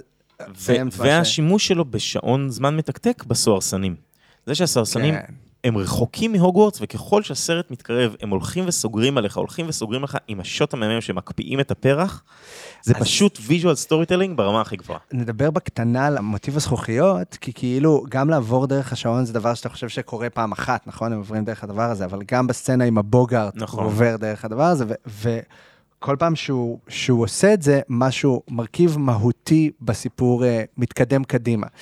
קצרה היריעה מלדבר על איך שהוא מעביר בין עונות, ואיך שהוא עושה planting ו pay-off על ידי ציפור אחת, ובעצם הוא כל הזמן משתמש בערבה המפליקה כדי להראות איך העונות מתחלפות. לגמרי. אבל אחד האלמנטים שלא דיברנו עליו בכלל בפודקאסט, והוא מאוד מאוד חשוב כשזה מגיע לקוארון ולשוטים הארוכים שבהם הוא בוחר לספר את הסיפור הזה, זה blocking. ו... תגדיר לנו מה זה blocking. Blocking בסצנה זה בדיוק מה שאנחנו יודעים על תיאטרון, שהוא בעצם מיזנצנה. אה, blocking ומיזנצנה זה איפה הדמויות עומדות בחלל. עכשיו... זאת אומרת, ממש מהזווית שבו המצלמה ניצבת, אל מול מה שאני רואה על גבי המסך, מה נמצא בכל מקום, באיזה עומק, מה מסתיר את מה. אפילו בלי מחויבות לפריים. אתה מכניס כרגע את העניין של shooting אל תוך התחום של blocking. Blocking זה איפה הדמויות עומדות בתוך הלוקיישן. זאת אומרת, הגיאוגרפיה של החלל? כן, כן, לפי הגיאוגרפיה של החלל, איפה הדמות עומדת. אוקיי. זה מאוד בולט בסצנות של הארי ולופין. יש להם שתי סצנות מפתח, הסצנה שמדברים על הגשר, והסצנה שהארי נפתח בפני לופין על איזה זיכרון הוא בחר מול הסוהרסן. בשתי הסצנות האלה ה blocking זהה. הם עומדים בגשר, מסתכלים על הנוף, לופין הולך אחורה, מסתכל לצד השני של הגשר וחושף את הקשר שלו עם לילי פוטר. ואז, חוז... ואז ברגע שהשיחה הופכת להיות אישית, אז לופין חוזר ומדבר על הקשר של הארי ולילי, והאהבה שלו להארי. מהמם. ברגע שאנחנו רואים את הארי מספר לו, בסצנת מפתח השנייה שלהם, הם שניהם מסתכלים לכיוון המצלמה, כאילו עם הגב לא- לאיפה שיהיה הסוהרסן, ואז אה, לופין עוזב, והארי הפעם עם הגב אליו, רחוק ממנו, נפתח ואומר לו מה הזיכרון הכי חשוב שלו, ורק כשלופין חוזר, הוא אומר לו שזה עומד להיות זיכרון חזק מול הסוהרסן. אז דרך השימוש בבלוקינג, או סצנה מפורסמת אחרת, כשאבא של רון ויזלי רוצה להגיד להארי שייזהר מסיריוס בלק, ככל שהסצנה מתקדמת, לא רק שהוא לוקח אותו ושם את השלט של סיריוס בלק ביניהם, אחר כך הוא לוקח אותו יותר עמוק למקום חשוך במסדרון, ואנחנו מבינים שהסרט הזה עומד להיות חשוך ואפל. דרך ה blocking, דרך איפה שהדמויות עומדות בחלל, אלפונזו מספר את הסיפור של הסצנה. והוא ממש עושה את זה גם לאורך הסרטים. השוט מסוים שה, שהרמיוני אה, או הארי מחבקים את הערבה המפליקה וזזים יחד איתה, Mhm. חוזר אחרי זה בגרביטי, כשהזרועות חלל עפה בדיוק באותו רמת צילום, כדי להעביר איזשהו מסר ויזואלי. ולספר סיפור. בדיוק. זאת אומרת, בשביל הוואן שוטים הארוכים האלה, שבהם הוא מגלה ומסתיר מאיתנו מידע, הוא לוקח את המבנה שהכרנו משני הסרטים הראשונים, ופשוט הופך אותו. משנה אותו לגמרי. מוסיף את הגשר, מכניס את הבקתה של הגריד רחוק יותר, את היער מזיז- קרוב יותר. הוא גם מזיז את הערבה המפלקה מהחצר של, של אימוני הקווידיץ', החוצה, קרוב יותר לבקתה של הגריד. הוא, הוא נותן מרווח הרבה יותר גדול ליער השחור, בשביל שבעצם הוא יוכל להרחיק אותו מהוגוורטס ולהגדיל את הדבר הזה, דבר שנשאר אחר כך גם להוגוורטס לגאסי, שלא לומר כביכול היה פה כל הזמן. לא, זה גם מאוד מתאים, כי הוגוורטס גם בפנים השתנה כל הזמן. זאת אומרת, אני חושב ש... אני לא מרגיש שיש פה איזושהי סתירה רעיונית, אלא פשוט עוד מתחושת הקסם הזה. כאילו, מה שלאורך כל הסדרה ג'יי קי רולינג מצליחה לייצר, זה שהארי פוטר, על אף שהוא הקוסם, הילד ששרד וכן הלאה, הוא עדיין מתלהב מזה כמונו הקוראים, וכל קסם חדש זה עדיין fucking וואו. כאילו. כן, הוא, הוא מצליח להיות גם הנבחר וגם הנציג שלנו. כשהוא מתחת לגלימת ההיעלמות בהוגסמית, שלא רק שאנחנו רואים את נקודת המבט שלו בתוך גלימת ההיעלמות, אלא גם שומעים את הנשימות שלו, מה שגורם לכל הסצנה הזאת להיות הרבה יותר מותחת, ולהרגיש שעוד שנייה תופסים אותנו. הזדהות כמעט על מלא, בדיוק. כן, זה לא הארי. אני הארי. בד... כן, ואחר כך הוא עושה את זה עוד פעם. כשהארי מתעלף מול הפטרונוס שהוא כביכול של אביו.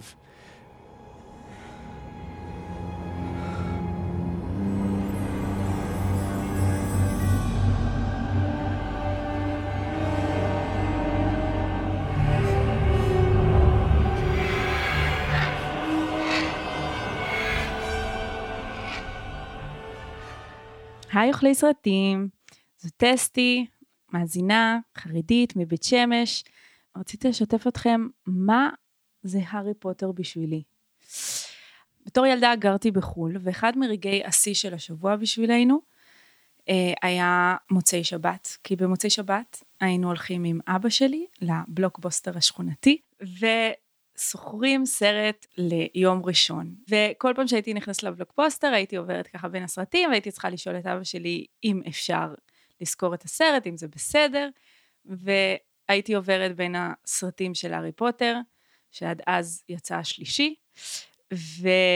וידעתי שאפילו לשאול על זה לא יכלתי, כאילו, ברור שהארי פוטר לא ייתנו לי. למה? לא יודעת, כי זה הארי פוטר. כשגדלתי, התחתנתי, ושאלתי את אבא שלי, תגיד אבא, מה, מה הסיפור עם הארי פוטר? כאילו, למה כל כך לא?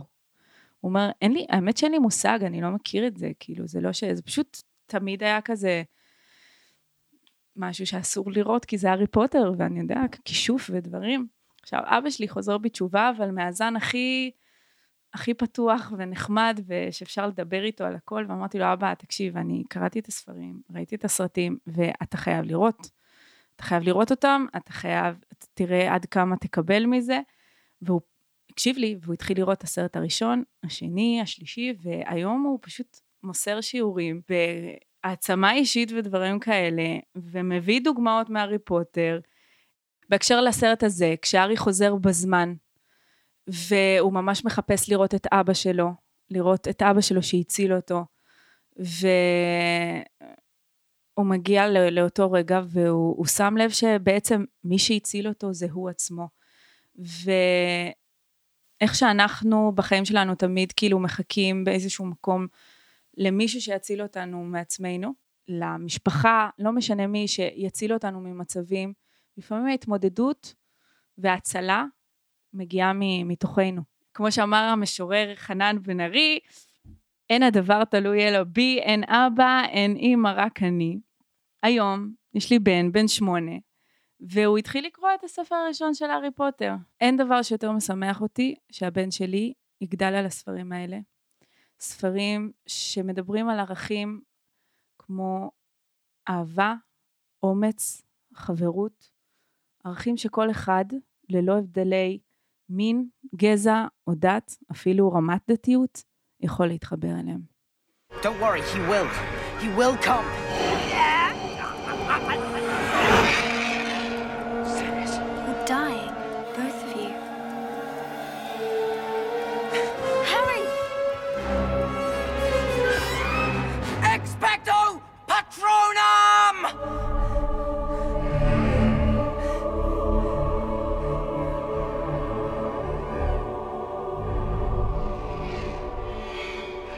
אבל אלפונס קורן לא עוצר שם. זאת אומרת, הוא, הוא עושה את זה גם בשביל להעביר את הרגש, אבל גם הוא בצורה מאוד מודעת שותל פרטי מידע, כדי שכשנגלוש איתו באוויר, בחלל, בוואן שוטים הארוכים האלה, אחרי שחזרנו בזמן, נוכל לראות ולהבין בצורה מדויקת איפה אנחנו נמצאים, מה קורה בזמן הזה, מה אנחנו יכולים לשנות, וזה בולט בצורה הכי טובה בשוט המאוד מאוד יפה הזה, שכבר ראינו שלוש פעמים לאורך הסרט, ואז אנחנו רואים פעם רביעית, ופתאום אנחנו רואים את הארי והרמיוני יוצאים מהבקתה של הגריד, אחרי שהם זרקו את האבנים, יוצאים מאחורה, נכנסים, כן. ואנחנו רואים אותם, הארי והרמיוני של העתיד, פתאום מזווית חדשה.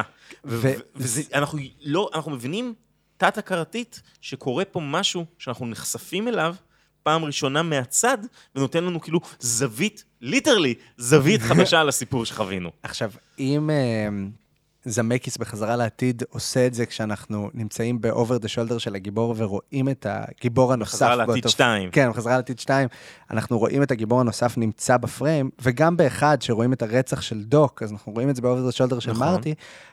פה אפשר ממש לראות את השוטינג שאלפונזו קורון בנה לסרט רטרואקטיבית, כי השוט של הבקתה של הגריד, כשדמבלדור וקורנליוס פאג' נכנסים מצד אחד, והארי, רון והרמיוני בורחים מהצד השני, בדיוק אותו שוט, מסובבים אותו 90 מעלות ימינה, ואנחנו רואים את הארי, רון והרמיוני נכנסים מאחורי אה, דלאות, ואת הארי והרמיוני בורחים מהדלאות בדיוק. האלה. וזה אותו שוט, זה פשוט 90 מעלות ימינה, ו- ויש לנו חזרה בזמן. ואני חושב ש...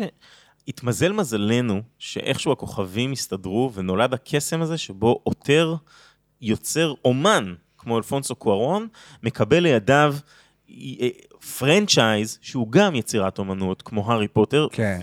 ואני מקווה שאחרי 15 שנה של סרטי franchise על ידי journeymans ובאמת טכנוקרטים, אנחנו אולי נחזור לאיזו סיטואציה שבה אם כבר יוצא סרט כמו ברבי, אז לפחות שגרטה גרוויג תעשה אותו. יפה מאוד. או אם יוצאת סדרת HBO, אז לפחות שהתסריטאים הגדולים ביותר שקיימים כרגע בטלוויזיה, ילכו ויכתבו אותה. על הארי פוטר.